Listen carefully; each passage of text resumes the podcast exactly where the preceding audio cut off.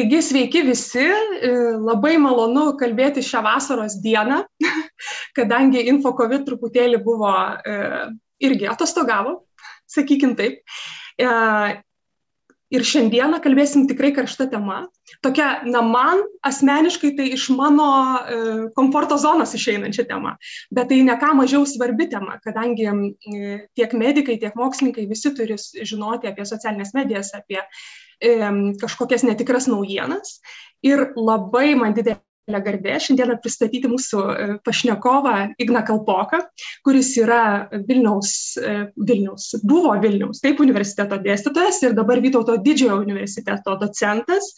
Taip pat dirba LCC International University, kaip jisai įsiverčia galės pasakyti pats Ignas ir apsigynė daktaro disertaciją iš tikrųjų Nottingeno universitete Anglijoje, Didžioji Britanijoje, tiksliau. Ir, na, apie jo domėjimosi sritis jis geriau, aišku, papasakostų, bet tai yra labai platu, tai yra ir politikos mokslai, yra iš tikrųjų ir medijų kultūra, taip ir pačios medijos, ir jis yra ekspertas būtent žiniasklaidos radio televizijų, um, televizijos ir visų medijų. Ir aišku, kibersaugumas, informacinis saugumas, na, tiesiog pačios aktualiausios temos, kas yra dabar. Ir taip pat aktualiausios tiem patiem mokslininkam ir medikam, kadangi COVID pandemija tikrai atnešė labai daug suirutės, labai daug tų netikrų žinių, kur net ir patys mokslininkai ir medikai pas, pasimeta, nežino, ką daryti. Taigi sveiki, Ignai, ir labai malonu. Labadiena, ačiū už pristatymą, iš tikrųjų labai e, išsamus ir vargu ar galėčiau dar ką nors labai papildyti. Um, iš tikrųjų, tas mano institucinis, sakykime, institucinė priklausomybė yra tokia truputį komplikuota. Uh, šiuo metu, kaip ir buvo minėta, dalinu savo laiką daugiausia VDU ir LCC tarptautinėme universitete, uh, būtent taip lietuviškai oficialiai jis yra veršimas, o Vilniaus universitete vis dar truputį vizituoju. Uh, ir tikėtina, kad šį rudenį taip pat dėstysiu, jeigu tik grupės pas mane susidarys manau, kad tikrai susidarys, o po šio pokalbio ypatingai susidarys. Dėl to, kad tai yra labai aktualus dabar tiesiog on top, ne viskas. Um, na, aišku, tikriausia įvadinis toksai mūsų klausimas tai yra apskritai, kas yra tos naujienos, ne, netikslios, netikros, fake news, kitaip. Ar jos tikrai lietuviškai, pavyzdžiui, išsiverčia netikros naujienos, gal čia daugiau kažkas yra? Na, lietuviško tokio nusistovėjusio visiško termino, ko gero, ir nėra. Daug kas turi savo mėgiamus terminus kurie vartoja netikros naujienos, kai kurie vartoja melagienos, kai kurie vartoja dar ką nors, bet esmė bet kuriuo atveju yra ta pati. Tai yra tai, kas apsimeta informacija. Tai yra kažkoks turinys, kuris yra pateikiamas kaip informacinis Tai yra turinys, kuris um, apsimeta tuo, kad jūs informuoja, bet uh, iš tikrųjų na, skleidžia žinutę, kuri neturi nieko bendra su realybė. Ir na, tai gali būti netyčinis dalykas. Na, mes visi, ko gero, bent kartais gyvenime uh, pasakom dalykų, kurie mes įsivaizduojam, kad tikrai yra teisingi, bet iš tikrųjų tokie nėra ir na, mes esam tokiu būdu, sakykime, tų netikrų naujienų skleidėjai.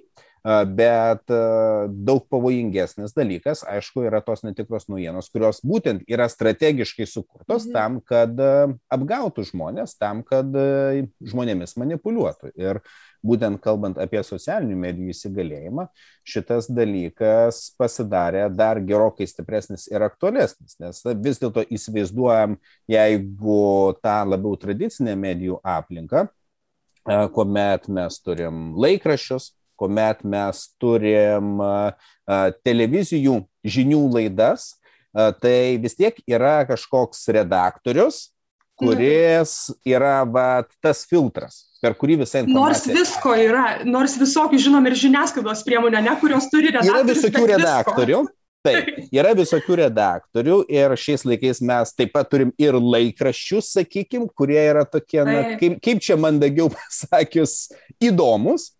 Alternatyvus. Taip, jie, jie ko gero save labiau įvardintų alternatyviais. Na ir iš tikrųjų yra alternatyvus, jie yra alternatyvus teisybei. Bet vis dėlto tas toks įsivaizdavimas standartinis yra, kad vis tiek yra filtras, per kurį visa informacija, kuri išeis į viešąją erdvę, turi pereiti. Ir tokiu būdu yra na, bent kažkiek atsijojama ta informacija. Vėlgi, čia sunku būtų įsivaizduoti, kad, mm. reiškia, tas filtras yra absoliučiai nešališkas. Tiek visi mes turim, įskaitant ir žurnalistus, įskaitant ir naujienų redaktorius, turim savo įsitikinimus, turim galų galę savo ideologinės pažiūras ir labai dažnai, ypač tose labiau įsitvirtinusių medijų, didesnę istoriją turinčių medijų aplinkose, vakarų Europoje, jungtinėse valstijose ir taip toliau, na, galima aiškiai iš anksto jau žinoti, kokios politinės pakraipos yra tam tikras laikraštis ar tam tikras televizijos kanalas. Tai čia irgi yra įvairių niuansų, bet bet kuriuo atveju tas filtras egzistuoja apie socialinės medijas, tai, na, irgi iš savo patirties žinom, bet kas gali rašyti bet ką. O taip, ir tikrai. jeigu tas turinys pasidaro populiarus, tai tas populiarumas pats savaime tampa, na, tarsi anspaudų, kuris reikia, va čia yra svarbu. Jeigu yra daug laikų, jeigu yra daug pasidalinimų, tai turinys tampa svarbus pats savaime, nepriklausomai nuo to turinio esmės, kokybės arba dar kitokių bruožų. Bet va tame ir esmė, aš pasižiūrėjau irgi kažkaip mes kadangi info COVID, ne, informaciją rašom e, ir stengiamės, tikrai įdedam daug darbo ir analizės, ir mūsų mokslininkai ir klinicistai, kurie dalyvauja, tikrai skaito ir susumuoja tą informaciją ir tų laikų labai mažokai. Bet kai aš pasižiūriu alternatyvių šaltinių, kurie, pavyzdžiui, ten riekauja prieš kaukės, prieš uždarimus, prieš vakcinas, na tokių, jų laikų ir jų šierų, net tų pasidalinimų yra begalybė. Tai bet kame esmė yra, na kodėl, kodėl, pavyzdžiui, netgi, nes, pavyzdžiui, net ir geros informacijosgi yra tų sėkėjų ir yra tų žmonių, kurie mėgsta tai, bet net ir pačių tų didžiausių influencerių, ne, kurie jau gerą tą informaciją skleidžia, net ir jų tiek laikų nebūna, kiek, pavyzdžiui, tos, tos fake news, tų netikrų, tų melagienų. Kodėl taip yra?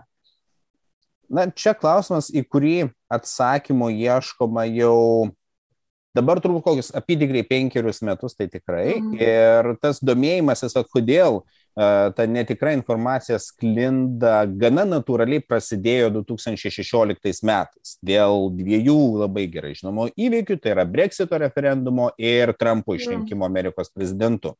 Ir būtent po šitų dviejų įvykių mokslininkai pradėjo gana intensyviai domėtis, vad, kodėl tos nesąmonės, neviniokim žodžių į vatą, kodėl jos sklinda daug greičiau. Ir iš tikrųjų buvo padaryta visa eilė eksperimentų, kuomet buvo strategiškai moksliniais tikrai tikslais sukurtos kažkokios melagienos ir jos buvo patalpintos socialinėse medijose. Ir buvo nustatyta, kad taip, jos sklinda greičiau ir plačiau negu tikra informacija.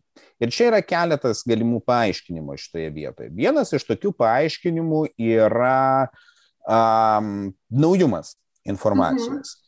Nes jeigu mes turim tas patikrintas naujienas, jos dažnai na, būna jau panašios į kažką, su kuo mes esam susidūrę, nes jos vis tiek yra pagrystos uh, bendrais faktais, jau egzistuojančiais tyrimais ar dar kažkuo, kas mums jau yra girdėta ir na, tai mūsų taip neprovokuoja, nes na, tarsi viskas ir aišku, tarsi viskas ir savai suprantama, tai neišmuša mūsų taip.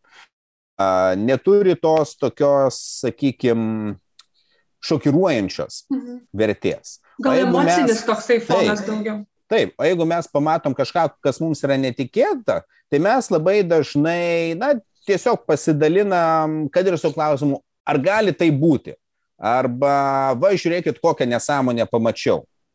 Ir čia yra didelė problema būtent to populiarumo faktorius. Kadangi netgi me, jeigu mes dalinamės su prierašu, žiūrėkit, kokia čia mhm. nesąmonė, Ką tai reiškia? Tai yra dar vienas pasidalinimas, kurį užfiksuoja Facebook'o, Twitterio arba kitos socialinės medijos algoritmai. ir kuris reikia, va, šitas turinys yra populiarus. Jeigu turinys yra populiarus, vadinasi, jį reikia rodyti dar didesniam žmonių kiekiui, ypač žmonėm, kurie yra panašus į mus, tada vėl kažkas pasidalina ir taip tas turinys plinta. Ir šitoje vietoje tos netikros naujienos, na, jos turi strateginį pranašumą. Tai čia yra vienas paaiškinimas. Kitas paaiškinimas yra tas, kad, na, netikras naujienas galima tiesiog lengviau pritaikyti prie auditorijos, prie kažkokių mūsų baimių, rūpeščių arba prie, sakykime, kažkokių jau egzistuojančių susipriešinimų visuomeniai. Mhm. Nes tiesa turi vieną tokią problemą. Tai tiesiog yra tokia ir ne kitokia. Ir mes jos niekaip nepakreipsim arba nepergalvosim tam, kad ji būtų patrauklesnė, tam, kad ji būtų patraukli kažkokiam strategiškai svarbiom visuomenės grupėm, nes kaip ir mes tada patys paneigsim savo pačių kaip kažkokios patikrintos informacijos skleidėjų statusą. O vat netikras naujienas jas galima tampyti bet kaip, nes jos neturi jokio pagrindo. Tai čia kaip, kaip lastabina jas galima minkyti ir, ir, ir kiekvienam pateikti tą rezultatą pagal poreikius. Ir todėl jos, nu, vėlgi pasidaro patrauklesnės, pasidaro lengviau pagaunamos. Ir dar kažkaip irgi, na, čia labai susiję ir su medicininiam tom e, netikrom, tom melagienom, kai vienas kitą cituoja, kur galutinis citavimas ateina, ten penki vos ne žmonės pacituoja vienas kitą ir galutinis vis tiek ateina į tą pirmą citavimą. Ir ten paskui bet toks uždaras ratas gaunasi. Bet aš manau, kai, kad krizės, taip, na šita krizė, nu, COVID-inė, ne, jeigu kalbam apie COVID, kovidinė krizė na, ypatingai suaktyvino šitą dalyką, ne? nu, nes tai būtent žmonės nežino, e, kas vyksta, naujas virusas, jie visiškai pasimetę, emocijos, e, sakykime, serga sunkiai arba miršta artimieji ir taip toliau. Bet ar tai Ar tai pirma, pir, pirma tokia medicinė, pavyzdžiui, krizė, kur, kur tokios fake, fake news išplito? Ar prieš 2016, sakykime, nebuvo tai aišku, gal analizės prasidėjo didesnės, bet gal iki tol buvo jau anksčiau tų melagienų ir netikrų naujienų. Tų melagienų ir netikrų naujienų jų uh, buvo ir anksčiau. Ko gero, pagrindinis skirtumas yra tas greitis ir globalus mastas, kurį šita krizė įgavo. Nes tų melagienų jų buvo ir, sakykime, susijusių su Zikos viruso protrukiu. Tiesiog mes su tuo mažiau susidūrėm, nes na, geografiškai tai buvo toliau nuo mūsų um, egzistuoja ir dabar uh, įvairios samokslo teorijos jos susijusios su ebolos virusu ir, sakykime, kai kuriuose Centrinės Afrikos dalyse yra didelės problemos, nes uh, žmonės užsikrėtę šituo virusu atsisako būti gydomi, atsisako vengti kontaktų su kitais žmonėmis ir, na, savaime suprantama, kad tai mm. neprisideda prie kovos su virusu. Teisingai, um, HIV, ne, žyvas irgi čia baisiai, irgi buvo labai daug melagienų ir įvairių, net taip. ne melagienų, gal pradžioj mokslo trūko supratimo apskritai tų, e, tų mokslinių tyrimų. Taip, ir šiuo atveju tai yra vienas iš tokių gan retų, gerai dokumentuotų atvejų, e, kur yra labai aiškus šaltinis melagienų, būtent susijusių su živ virusu.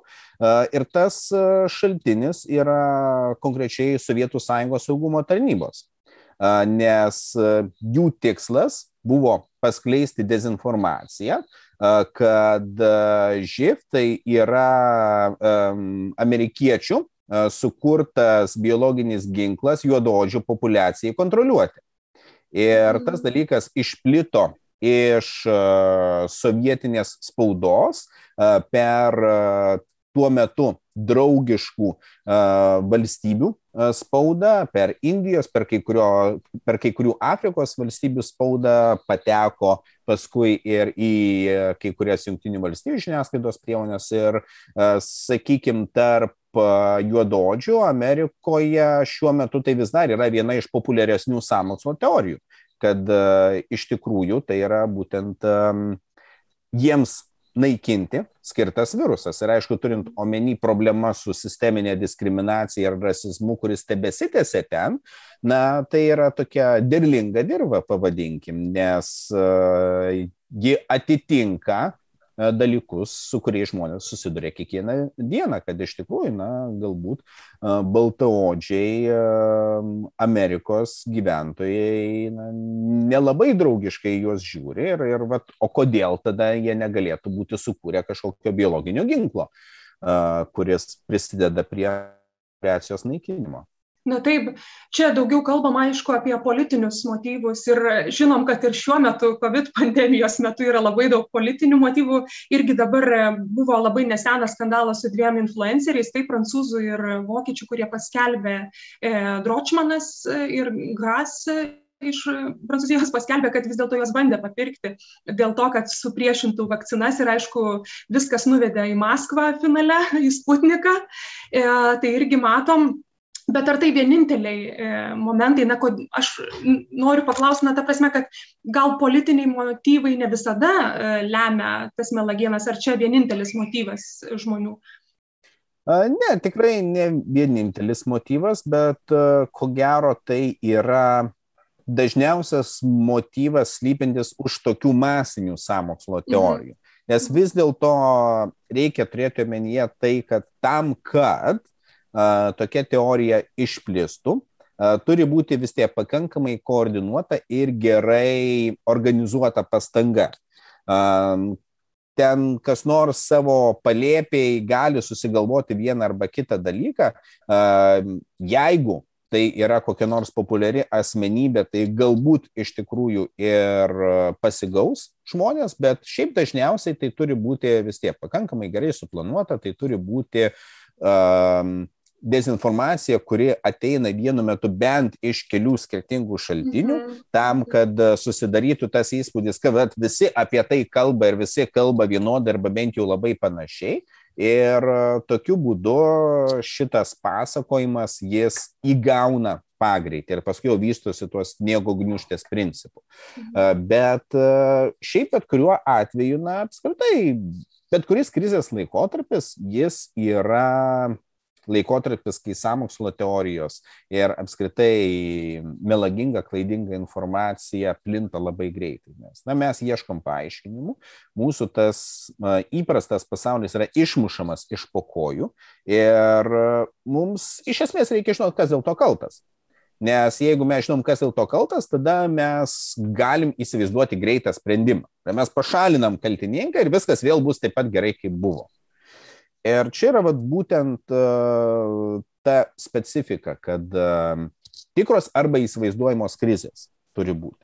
Nes jeigu mums yra viskas gerai, tai mes sėdim apsipatenkinę ir nieko mums daugiau nereikia. Mums ir taip viskas gerai. Uh, bet jeigu vat, dominuoja emocijos tokios kaip baimė arba pyktis, bet tai yra tos emocijos, kurios skatina um, samokslo teorijų plitimą. Nes jeigu mes bijom arba pykstam, tai yra kažkoks objektas šalinti, tam, kad mes vėl jaustumėmės geriau. Ir tada atsiranda tai arba Sorošas, arba Geitsas, ką mes dabar turim, arba CŽV, arba, nežinau, mhm. ateiviai, dar kas nors gali būti. Reptilijonai. Taip, taip, savaime suprantama. Ir, ir, ir tada atsiranda mums paaiškinimas, kodėl mums yra blogai. Nu, arba Landsbergis kaltas savaime suprantama. Taip, tikrai taip visada. Da, bet dabar nuėjęs, nuėjęs jau į antrą planą, dabar kitų ieškoma. Yra, e, e, taip, dabar jau aš kaip galvoju, medicininiai plotmėje, tai tikriausiai taps visi infekcionistai, visi epidemiologai, visi e, visuomenės veikatos specialistai. Bet kitas klausimas dar yra Ar tai vis dėlto tikrai susiję tik tai su baimėm ir, ir, ir emocijom, nes, na, pavyzdžiui, yra tikrai žmonių ir, ir pradžioj net ir, e, sakykime, medikų bendruomenė nabijojo, ne, ir nebuvo labai aišku ir dėl to COVID ir tie apsirengimai ir čia užsikrėtimai medicinos bendruomenėje ir mokslininkams buvo neaišku. Bet jie kažkaip išsprendė ir tų melagienų mažiau pasigavo, na, nebent suklaidinti kažkokiu būdu. Bet gal tai yra problema dar edukacijoje kažkokioje, pavyzdžiui, episteminės tos žinios, kai bendruomenė, ne, ta nemokslinė ir, sakykime, nemedicininė, na, neturi pakankamai analitinio mąstymo dėl edukacinių spragų. Gal čia yra didelė problema. E, bendrai pasaulyje, bet ir Lietuvoje. Na, apie informacinį raštingumą, sakykime, mes kalbam tikrai nemažai ir, ir ko gero mūsų kraštuose mes apie jį kalbam daugiau ir intensyviau netgi, negu tai ilgai buvo daroma vakarų Europoje ar, ar, arba Amerikoje dėl labai paprastos priežasties, dėl mūsų sudėtingos kaiminystės ir dėl to, kad mes tikrai gerokai anksčiau negu 2016 metai patyrėme įvairias informacinės atakas ir bandymus mumis manipuliuoti. Tai, sakykim, įvairių iniciatyvų skirtų kritinio informacijos vertinimo skatinimui a, tikrai yra ir, ir yra nemažai. Ir tam tikra apimtimi tai yra geras vaistas. A, nes jeigu mes turėsim kritinę masę žmonių, kurie tikrai sugeba vertinti naujienas, kurie sugeba suprasti, kaip tos naujienos yra padaromos, pavadinkim, ir, ir kodėl tekstas yra vienaip ar kitaip konstruojamas, ar, ar, arba video medžiaga vienaip ar kitaip konstruojama ir kur ieškoti tų paslėptų, sakykime, kabliukų, kurie verstų mus suabejoti, tai yra nepaprastai svarbu. Kita vertus, vėlgi žiūrint į tyrimus, kurie daromi ne tik medijų ekspertų, bet ir psichologų, vis dėlto situacija nėra tokia paprasta, nes kad jeigu pakankamai tiksliai yra pataikoma į kokią nors emociškai pažeidžiamą vietą, kuri va, tuo mhm. metu yra aktuali. Tai bus skirtinga skirtingiems žmonėms ir netgi tam pačiam žmogui skirtingais laikotarpiais, bet, bet jeigu gerai yra nutaikoma emociškai paguli žinutė, tai net ir labai kritiška šiaip jau žmogų uh, galima labai sėkmingai užkabinti už praktiškai bet kokios nesąmonės. Ir šitoje vietoje, na, aš manau, kad būtent šitos krizės atveju mokslininkai ir ypač medicinos žmonės, ko gero, turėjo na, tam tikrą strateginį pranašumą, todėl kad na, tai vis tiek yra jų sritis. Mhm. Ir jie vis tiek tai gali būti naujas virusas, tai gali būti kažkokia nauja problema, su kuria yra susidurima, bet vis tiek tai bent jau ateina iš kažkokios iš kažkokio atpažįstamo konteksto. Ir todėl aš visiškai nesistebiu, kad būtent šita bendruomenė buvo saliginai atspari manipulacijoms, bet, sakykime, jeigu ta krizė ateitų iš kokio nors kito konteksto, na, sakykime, iš karinių grėsmių arba dar ko mhm. nors, aš abejočiau, ar tas atsparumas tokiu atveju būtų labai didesnis negu statistinis šalies vidurkis. Tačiau šiuo atveju aš manau ir nuo paties žmogaus asmeninio konteksto, nuo konkrečios išsilavinimo srities priklauso ir panašių dalykų. Ir dar vienas dalykas, kurį labai uh, svarbu um, turėti omenyje, kalbant apie kritišką vertinimą, tai yra, kad perlinkimas su kritiškumu irgi yra problema. Nes, o ką daro samokslo teoretikai? Jie sako, žiūrėkit, jūs viską turit vertinti kritiškai. Mhm. Jūs neturit pasitikėti aklai tuo, kas jums sakoma. Čia, jeigu jūs pasitikėsit, jūs būsite tik tai kažkokios avys, kurias, reiškia, suvedžios ir, ir, ir viską apgaus.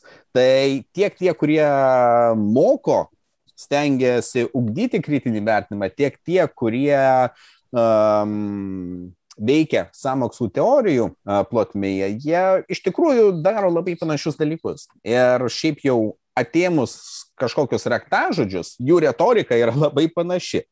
Mhm. Ir, ir dėl šitos priežasties, va, su tuo aiškinimu, kad viską reikia vertinti kritiškai ir nieko negalima pasitikėti, irgi kartais galima a, perlenkti ir užuot išžudžius kritiškesnę asmenybę, mes galim tiesiog nustumti į į sąmokslo teorijas, nes, na, jeigu niekuo negalima pasitikėti galų galiam, tai aš bent jau uh, palaikysiu tuos, kurie kažkaip prie širdies, kurie emociškai uh, geriau atrodo. Ir, ir čia vat irgi atsiranda pavojus tai vat kad greičiausiai reikia bent socialinėse medijose bet ir ne tik ane išeiti iš tų burbulų nes čia yra pagrindinė e, bėda kad tuose burbuluose na e, tarsi atrodo kad tu ir fainas ir pūkuotas ir čia visi myli ir čia laikus deda o iš principo greičiausiai už sienų namų už to burbulo tai labai yra ta nuomonė kvestionuojama.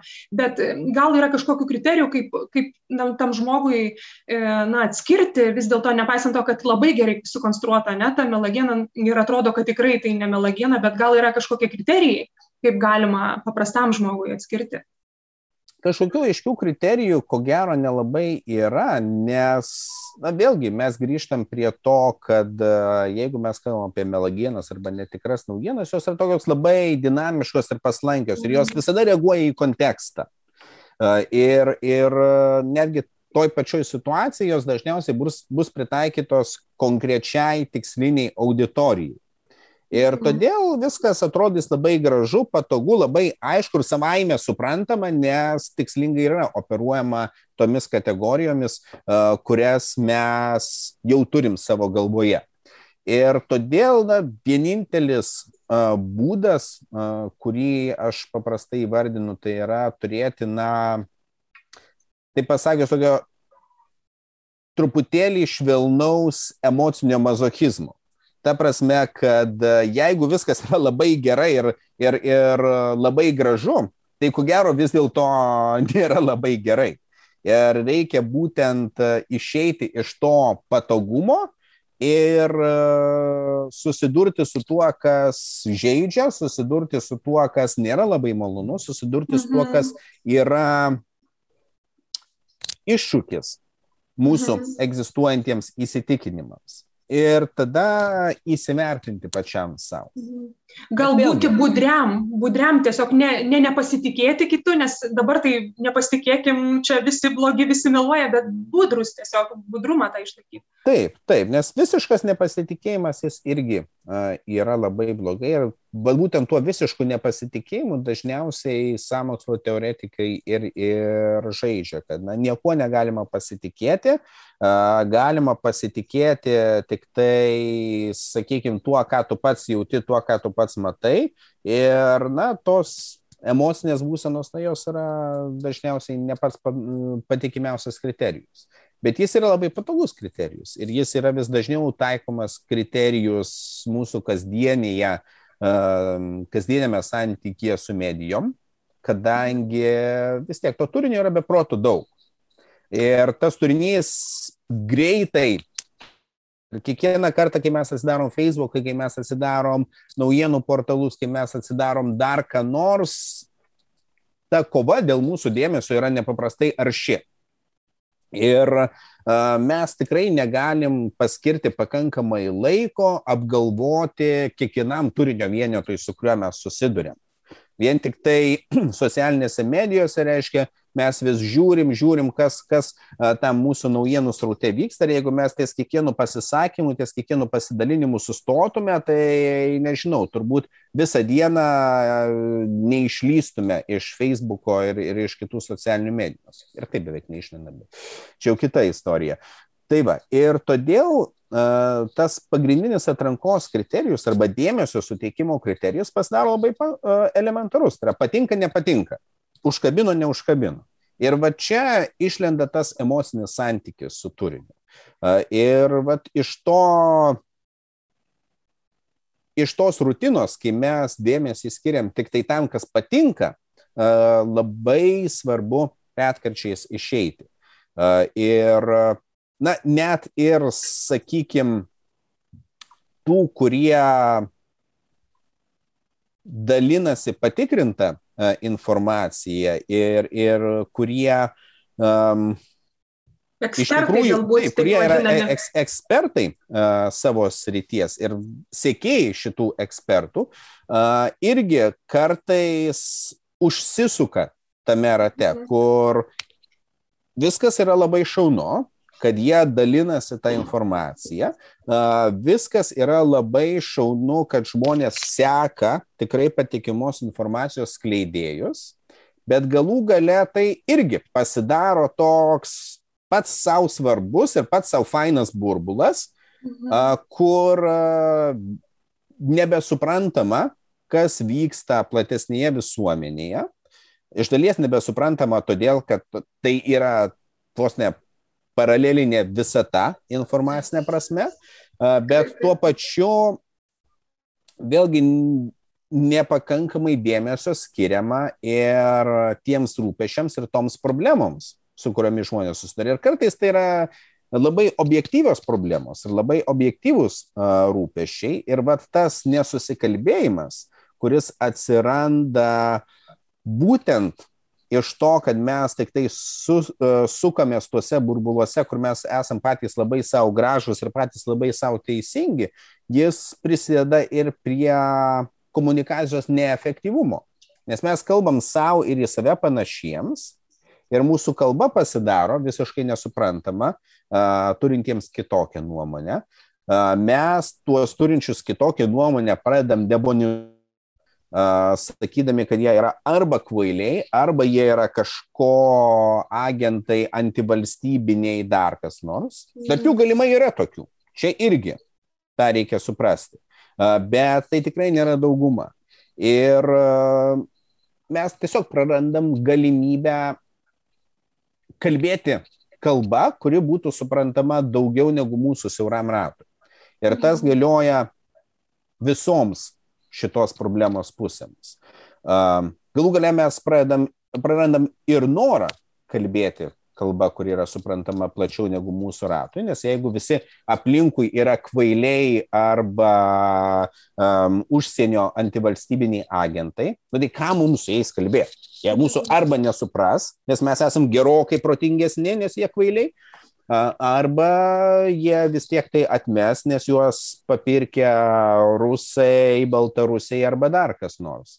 Bet gal čia ir yra dar viena problema, kad, pavyzdžiui, šitos krizės ir, aišku, socialinių medijų labai suvešėjimo, sakykime, metu pasirodė, kad medicina ir mokslas, mokslas irgi ypatingai yra labai uždaras, kad nebuvo visuomeniai prieinamas, kad nebuvo netgi mokoma, kaip suprasti, pavyzdžiui, elementarų eksperimentą, ne mokslinį, nuo ko jis prasideda, kaip baigėsi, elementarių, e, pavyzdžiui, e, na, aš doktorantūroje tik mokiausi kritiškai mąstyti apie straipsnį, ieškoti klaidų, ten žiūrėti, kur neta rodiklė, kur dar kažkas, bet paprastam žmogui tai yra labai sudėtinga. Ir, pavyzdžiui, jeigu kažkas ala ekspertas, kad ir melagiena, ne, parašo, na tikrai ir atrodo logiška, tai galbūt tai parodo, kad vis dėlto tas atotrukis buvo labai didelis ir reikėtų kažkaip artinti, edukuoti nuo, nuo darželių, nežinau, nuo mokyklos pirmų klasių. Iš dalies, bet vėlgi, sakykime, mes galbūt truputėlį idealizuotai žiūrim ir mm. į tą švietimo procesą, ypač turint omenyje mūsų kontekstą, kur tie netolygumai švietimo procese yra iš tikrųjų labai dideli ir mes galim turėti beprotiškai geras programas, bet klausimas, kaip gerai jos bus įgyvendinamos, kiek bus išteklių tam skirta, kiek bus galų gale paruošiami pedagogai, uh, kurie galėtų uh, šitais dalykais užsiimti, nes, na, vėlgi, mes turim investuoti daug į šituos dalykus ir tai nebus greitas sprendimas. Ir iš dalies čia irgi yra problema. Kadangi tai nebus greitas sprendimas, mes reaguojam į situaciją, kuri yra dabar, arba situaciją, kuri buvo vakar. Mhm. Um, ir mes nežinom, į ką mums reikės reaguoti tuo metu, kai, sakykime, mes baigsim ruošti programas. Nes jeigu mes kalbam apie socialinės medijos kinta labai greitai. Socialinės medijos vienos nunyksta, kitos atsiranda. Ir tai, kas tiko, sakykime, Facebooko ir Twitterio kontekste, nebūtinai tinka TikToko kontekste. Grėsmės, su kuriuom mes susidurėm, arba, sakykim, būdai, kuriais klaidinga informacija mums yra pateikiama, nebūtinai sutampa šitoje vietoje. Galų gale iki kol dabartiniai darželinukai pasieks, na, net ir vidurinę mokyklą, ko gero, atsiras naujos turinio formos, tiesa, neatsiras, o pasidarys masinės naujos turinio formos, tokios kaip virtuali realybė arba pakeistoji realybė. Ir ten irgi bus naujos grėsmės, su kuriomis mes turėsim kažkaip tvarkytis. Tai šitoje vietoje vien tik tai žiūrint į švietimo proceso perspektyvą, aš manau, kad tai yra, ko gero, netgi pernelyg lėtas būdas. Mhm nes tai yra vienas dalykas biurokratizuotas procesas, kitas dalykas um, parengimo ir pasirengimo reikalaujantis procesas ir, ir, ir trečias uh, dalykas tai yra na, nebūtinai uh, sėkmingai įgyvendinamas dėl, dėl, dėl pačios uh, sistemos specifikos dalykas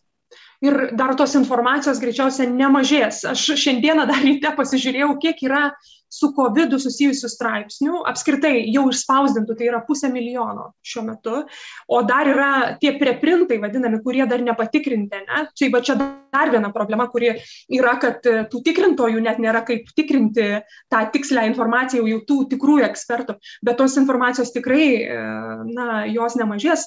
O tai kaip, pavyzdžiui, dabar daryti, nes iš principo e, tų šaltinių yra begalybė ane? Ir kaip atskirti kuris tas šaltinis yra geras o kuris yra blogas? Pavyzdžiui nu kad ir mūsų socialinėj medijoj tai kurie čia? Ar su prierašu sakykim ru jau yra viskas blogai? Ar ar ar kaip? Kaip čia yra? Na ko gero tai nėra viskas, kai jeigu tai turi uh, rusišką interneto adreso galūnė arba yra ta mhm. kalba, uh, bet uh, na vis dėlto pripažinkim kad nemažai sąmokslo teorijų ateina būtent iš ten ir, ir iš tikrųjų būtent kas yra susiję net ir su mokslinė informacija, problemų yra nemažai. Ir vat, ko gero tie preprintai yra pati didžiausia problema šiuo atveju, nes viena vertus jie atlieka labai gerą uh, funkciją, jie padeda greičiau, operatyviau dalintis informaciją, bet iš kitos pusės ta informacija na, nėra iki galo patikrinta ir mes mhm. jau turėjom atvejų su preprintais, kai iš tikrųjų, na, išvados, kurios buvo daromos, jos na, neatitiko vėlesnių eksperimentų, bet žiniasklaida tą pasigavo, kaip vad mokslininkai iš tokio ir tokio universiteto nustatė nors iš tikrųjų ten buvo tik tai tarpinės išvados. Kita vertus, na, net ir tie straipsniai, kurie yra išspausinti ir, ir, ir recenzuoti e, geruose žurnaluose, tas irgi ne visada saugo. Na, galima prisiminti tą jau blogąją prasme legendinį tą legendiniu tapusi straipsnį, kuris neva atrado ryšį tarp skiepų ir autizmo. Jis buvo puikiausiam žurnale išspausintas, buvo recenzuotas ir, ir, ir visa kita. Bet paskui teko žurnalui su didelė gėda tą straipsnį atšaukti, nes paaiškėjo, kad duomenys tai buvo suklastoti. Tik problema dar, dar, kokia problema tenai buvo kad atšaukta tai po 12 metų pilnai. Taip. Tai, tai yra labai ilgas laikas, tai gali cirkuliuoti citavimų būti N plus K. Taip. Va čia yra didžiausia. Taip, nes žurnalui didžiulis reputacinis nuostolis atšaukti straipsnį. Taip nepaisant to, kad, kaip paaiškėjo, pagrindinis autorius turėjo labai jau didelį finansinį interesą pamasažuoti savo rezultatus. Ir dažniausia va tas ir yra, kad kažkur, kažkur slypi tas privatus interesas, nors jis visiškai, ala, oi, čia visi gražus pukuoti, čia tokie atradimai, čia tokios, ne, bet iš tikrųjų kažkur viduje yra visada slypi. E, dabar dar vienas momentas, apie kurį būtinai turim pakalbėti. E, tai nes šiandieną irgi yra toksai puslapis e, Retraction Watch Watch, kuris dešimt metų ar, ar, ar 12 metų jau egzistuoja ir jie vis publikuoja, kurie straipsniai yra atmesti ir kas tenai negerai ir kur ten kas, o jei, ten yra begalybė, ten super yra puslapis, kuris tiesiog parodo, kur yra klaidos, kaip, kaip bendruomenė falsifikuoja, ne, kaip daro metodologiškai neteisingai ir taip toliau. Bet šiandieną atsidarau iš to puslapį ryte, jis neprieinamas. Tai reiškia, greičiausia, nes yra buvęs dar kitas puslapis, kuris irgi užsidarė, nes buvo labai daug iš tikrųjų tų e, tokių atvirų grasinimų, tai, na, panašu, kad greičiausiai e, dirba ir kita pusė, ne, kuri, kuri va tuos visus tildo. Tai, e, na, čia aišku, mes galim tik tai hipotetiškai, bet, na, tas kibersaugumas, ne, va, moksliškai, na, kaip, kaip, ką galėtų mokslininkai daryti, kad išvengtų tų trolių ar išvengtų tų, nes ir vagimas informacijos, ir paskui jų tildymas ir taip toliau. Tai nes irgi vienas iš metodų. Tai kaip, kaip čia, vat, kaip mums čia išlaviruoti? Ko gero, didžiausia problema, kad e, išvengti to yra praktiškai neįmanoma. Ir čia yra e, kaina, kurią mums tenka sumokėti už mhm. interneto atvirumą. Nes dabartinėmis sąlygomis saugumas šitoje internetinėje erdvėje jis yra neįmanomas dėl labai paprastos priežasties, dėl atstumo nebuvimo, nes bet kas iš bet kurios pasaulio vietos gali sukelti grėsmę ir dėl galimybės tą daryti daugiau ar mažiau anonimiškai. Mhm. Um, ir, ko gero, vienintelis būdas, kaip uh, tas grėsmės būtų galima eliminuoti, tai yra totali kontrolė, kai kiekvienas prisijungiam prie interneto, nežinau, su savo asmens e, kodu ir, ir e, visą laiką esam stebimi, ką mes ten darom. Bet ar mes norim vertus, tokio sprendimo? Jo, ir kita vertus, tas asmens kodas vėl gali būti nutekintas, ne kaip bėdu. Na, galima, sakykime, ten per biometrinius duomenis, sakykime, pirštų anspaudą pridedu prie skaitiklio arba, arba kokią kies rainelę nuskaito kompiuterio kamera ir, ir tokiu būdu yra identifikuojama. Bet ar, ar mes to norim? Mes to tikrai nenorim. Mes vertinam savo privatumą, mes norim uh, turėti savo kažkokią asmeninę erdvę taip pat ir, ir internetinėje erdvėje, juolab, kad tai tampa vis didesnė ir ko gero vis labiau pagrindinė mūsų gyvenimo dalimi. Ir todėl va, tas saugumo klausimas jis iš esmės pasidaro neišsprendžiamas kokioj Kinijoje, kur visus galima iš principo stebėti, galbūt tas vidinis saugumas jis, jis yra didesnis, jie patys labiau yra visam likusiam pasauliu tapę kibernetinės grėsmės šaltiniu, bet viduje ten viskas yra saliginai sėkmingai kontroliuojama. Bet mes nenorim būti Kinija, mes nenorim būti Šiaurės Koreja arba dar kas nors. Ir čia, ko gero, dėja, bet reikia susitaikyti su tuo, kad ta grasinimo kultūra, ta trolinimo kultūra, kurie, na, kartais gali būti iš tikrųjų nekaltas pajuokavimas kur nors interneto forumuose ir taip toliau, ta prasme, viskas yra tvarkojus iš to, bet kuomet tai pasidaro industrinis bandymas gazdinti žmonės, mhm. kurio irgi labai dažnai užsima tam tikri institucionalizuoti veikėjai, tai gali būti valstybės, mes pakankamai gerai žinom apie Rusijos trolių fabrikus, egzistuoja trolių fabrikai Kinijoje, egzistuoja kitose valstybėse, Filipinuose pavyzdžiui, bet ten labiau vidaus rinkai skirta dabartinio prezidento kritikų tildymui ir panašiai. Tai, bet čia atsiranda problema. Turim problemų taip pat ir su įvairiom aktyvistų grupuotėm, kurie gali būti, taip pat antivakseriai aktyvistai, kurie užsipuola internete medikus, kurie užsipuola šiaip skipų šalininkus, labiau viešoje erdvėje matomus ir, ir kurie, na, iš tikrųjų nevengia epitetų, nevengia grasinimų, nevengia tokių dalykų kaip pavyzdžiui žmogaus kontaktinių duomenų išviešinimas tam, kad uh, kuo plačiau būtų galima paskleisti tą. Ir, na, aišku, jeigu uh, tavo telefono numeris, namų adresas, mhm. darbovietės adresas, tai kokius darželius eina tavo vaikai ir visa kita pasidaro viešai prieinama, na tai yra labai stiprus gazdinantis faktorius uh, ir tai gali ne tik užtildyti tuos jau esamus žmonės, kurie atlieka labai svarbų darbą, bet taip pat ir atbaidyti kitus nuo jų vietos užėmimo. Ir, ir tas uh, būtent emocinio terorizavimo aspektas, ko gero jį taip galima įvardinti, yra, mano nuomonė, viena iš didžiausių politinių grėsmių, uh, su kuria mes susidursim um, artimiausiais metais. Nes jeigu staiga liks tik tai ta pusė, kuri efektyviausiai gazdina visus kitus, mhm. o visi kiti bijos iškišti galvą iš už apkasų, nes a, tai bus didžiulis pavojus. Visų pirma, emocinis pavojus, nebūtinai, kad tai a, bus materializuosis į kažkokią fizinę žalą, bet jeigu a, tai bus netgi labai stiprus tiesiog emocinis pavojus, na žmonės tiesiog bijo, žmonės nenorės imtis kažko, nenorės prieštarauti tai garsiausiai reikiamai nuomoniai, nors tai reiksniai gali būti absoliuti mažuma.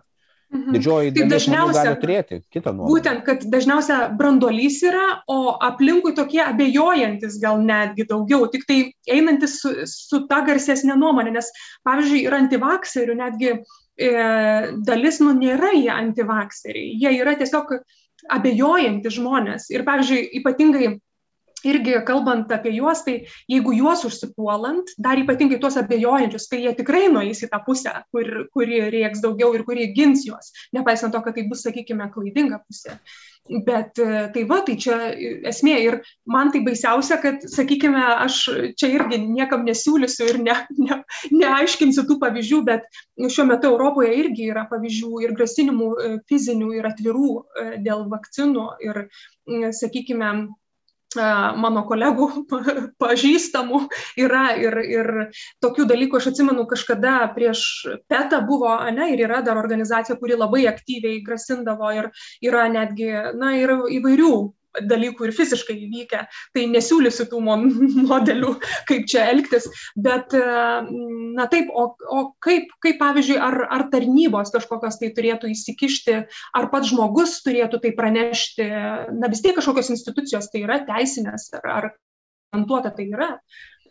Taip, ir čia mes susivedam į dar vieną diskusiją, kurią Lietuvo mes nesnei turėjom. Tai yra diskusija dėl neapykantos kalbos, mhm. kuomet buvo siūloma įvesti ir administracinę, ne tik baudžiamąją atsakomybę už neapykantos kalbą, motivuojant tuo, kad kuomet yra baudžiamoji atsakomybė, tai vienas dalykas, reikia įrodyti daug rimtesnę grėsmę žmogui, kitas dalykas, na, apskritai, kadangi uh, baudžiamoji atsakomybė yra rimtas reikalas, tai tarnybos jos didžiąją dalį atvejų praleidžia pro akis, kadangi, na, tiesiog tai yra sudėtingesnis procesas ir, ir, ir kadangi tai galimai veda į rimtesnę bausmę, na, tai tiesiog, reiškia, ieškoma tų tokių jau išskirtinių atvejų. Didžioji dalis to negatyvaus triukšmo yra praleidžiama pro, pro akis, ausis ar, ar, ar, ar, ar kokį kitą jutimo organą.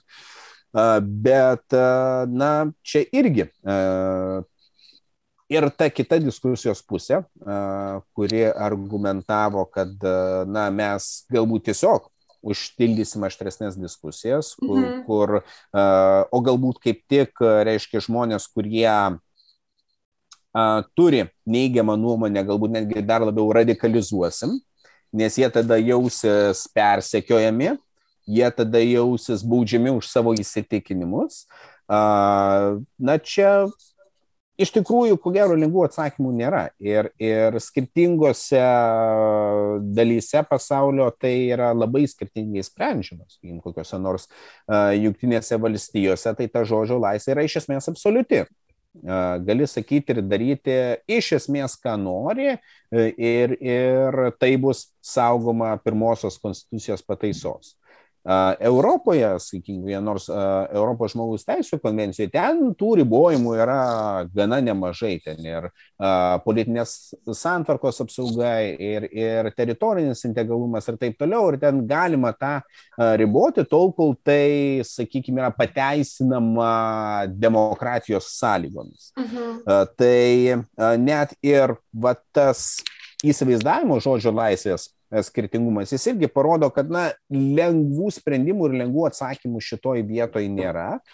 Ir viena vertus mes, aišku, norim jaustis saugiau ir labai svarbu, kad žmonės jaustųsi saugiai, išsakydami savo nuomonę arba tiesiog viešai būdami um, tokiais, kokie yra, uh, nes mes turim, um, sakykime, labai um, aiškiai išreikšta kai kurių žmonių pozicija dėl na, mažiausiai vieno Seimo nario, kurį labai gerai atpažįsta ir kuris buvo atsidūręs turbūt ant toje neapykantos kalbos diskusijos epicentre, tai na, šiuo atveju tai yra žmogus užsipuolamas tiesiog dėl to, koks jis yra.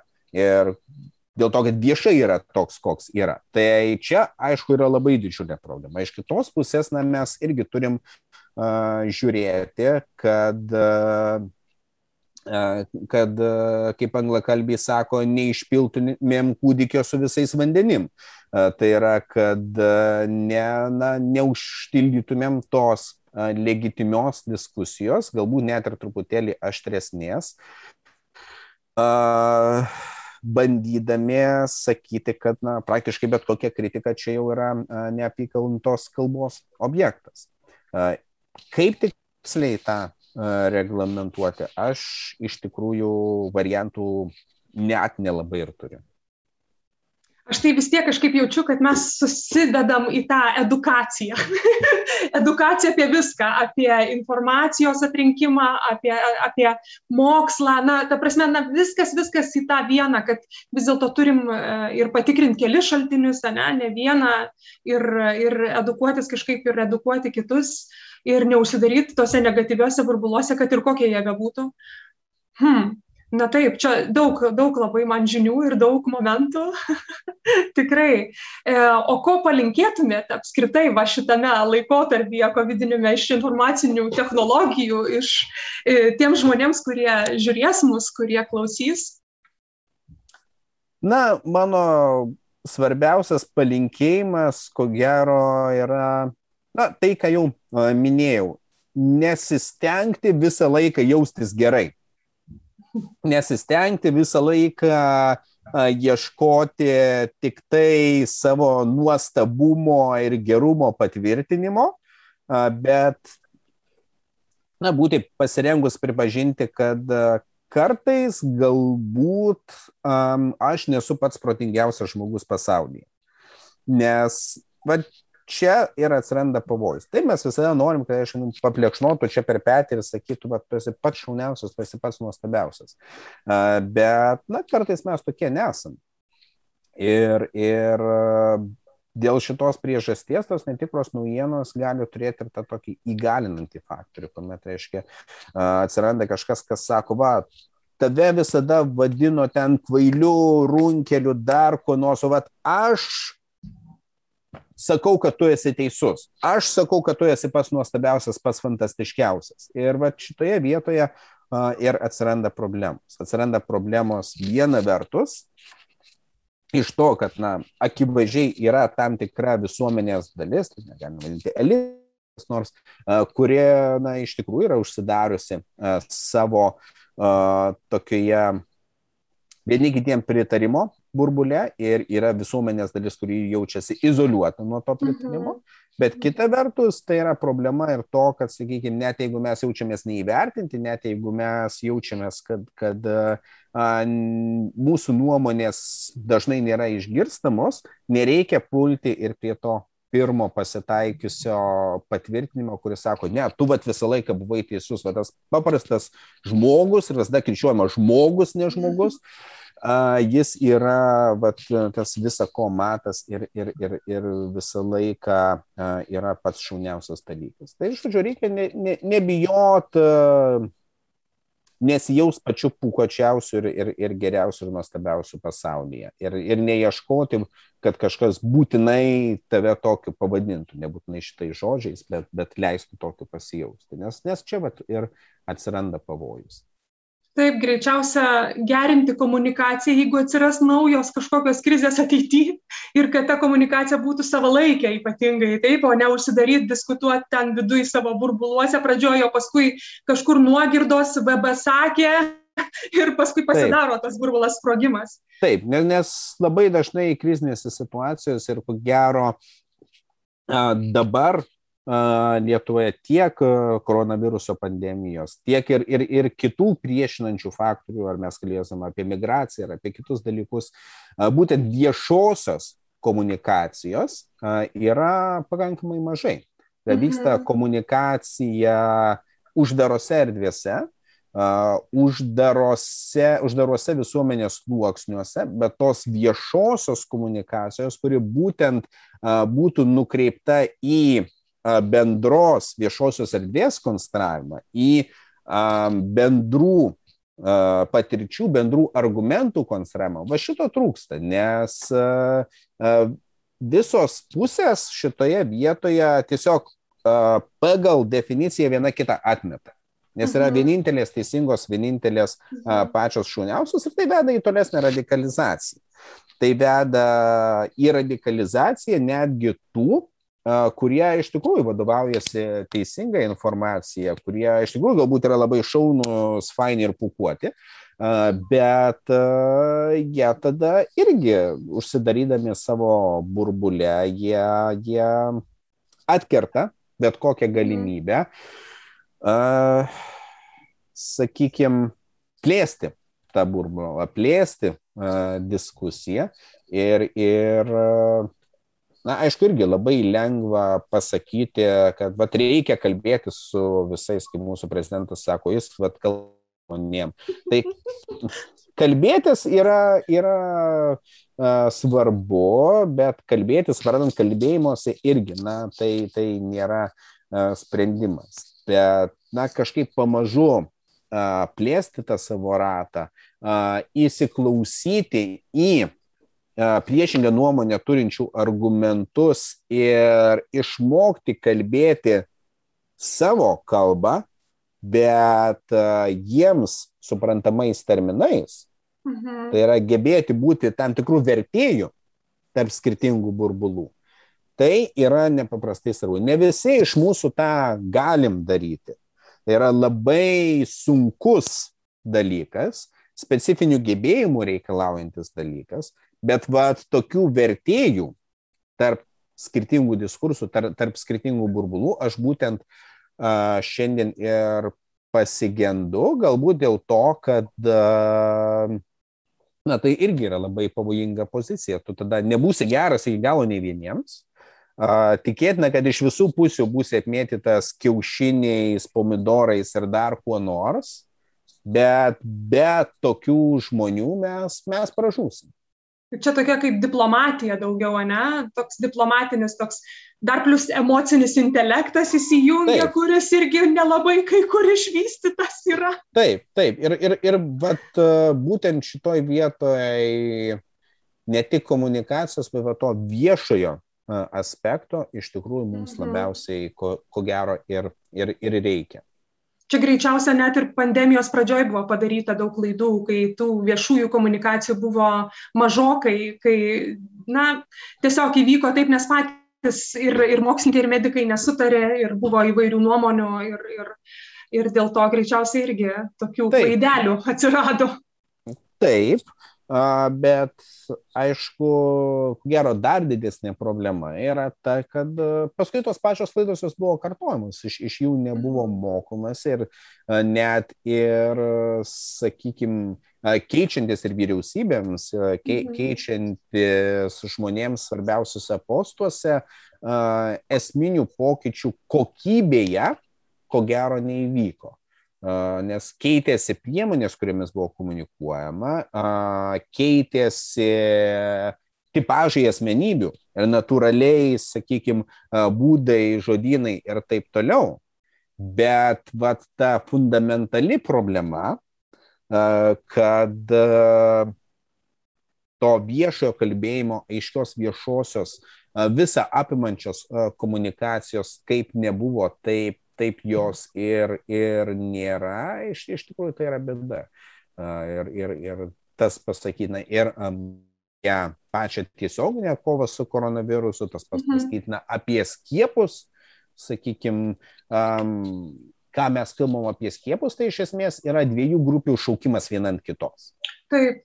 Ir dar aš pastebėjau vieną momentą, kad labai klaidina m, mm, ypatingai visuomenė ta, kuri nesusidūrusi, ne, nėra mokslininkai, nėra medikai, jeigu iš tos pačios institucijos ypatingai, ar iš pač, tos pačios, pavyzdžiui, to paties universiteto, mhm. ar tos pačios organizacijos išeina labai skirtingos žinutės, nors tie žmonės turėtų būti tarsi vienoj pozicijoje iš tikrųjų. Ir to žinutės ne tai, kad tokios, kad čia e, viens ar 1,1, bet vienas ir tūkstantis du. Tai e, ta prasme, kad jos labai radikaliai skiriasi ir tada žmonės tikrai nesupranta, e, kuo tikėti ir, ir tais autoritetais pradeda abejoti.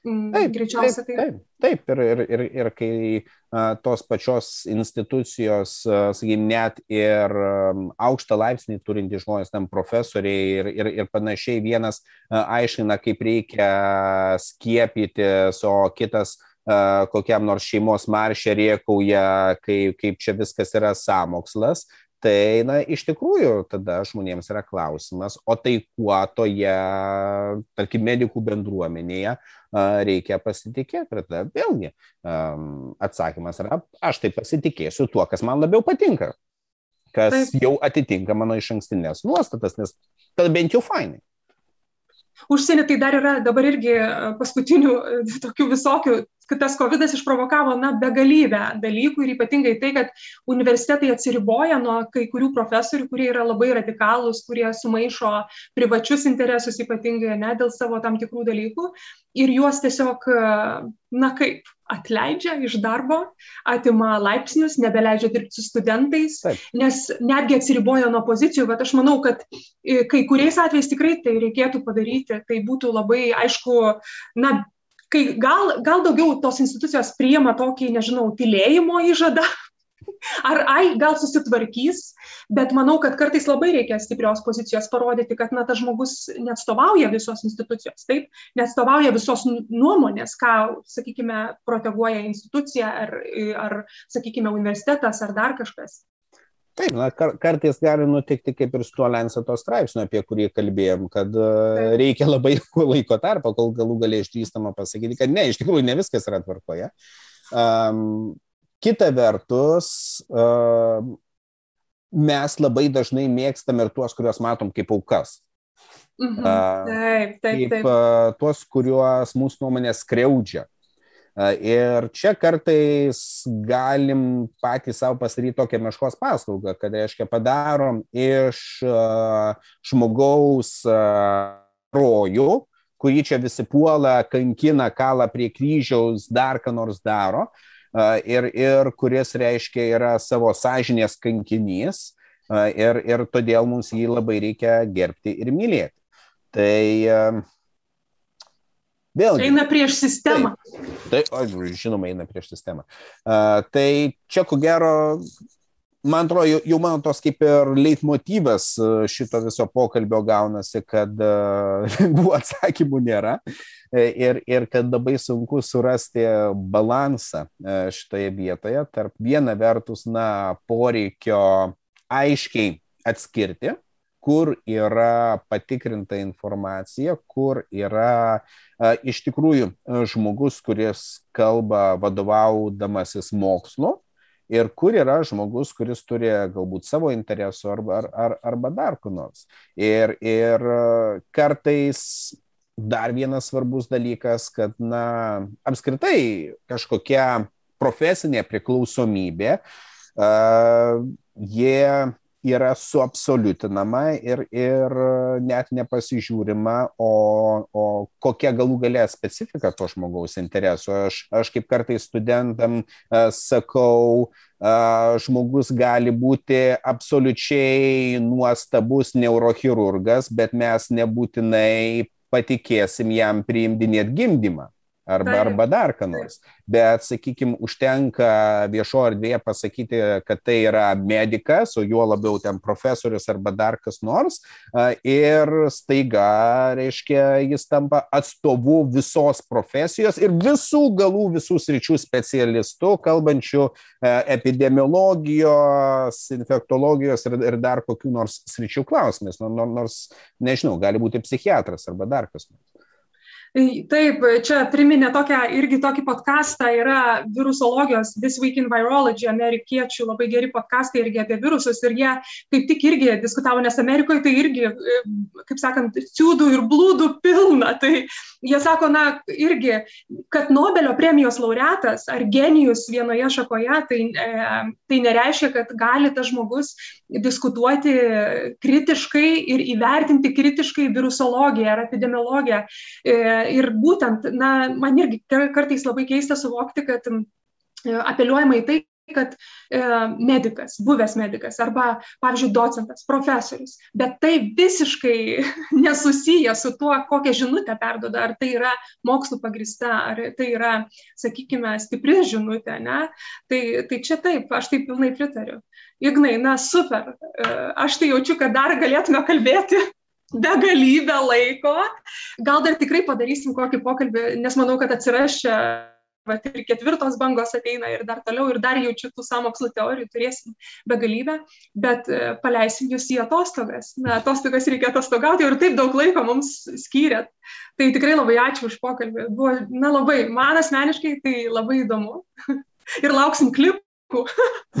Taip, tai ačiū už kvietimą pokalbį, iš tikrųjų buvo labai įdomu ir smagu padiskutuoti. Ir na, belieka tikėtis, kad iš tikrųjų pasirodys svarbu, įdomu ir, ir, ir aktualu tai, ką mes čia priešnekėjome.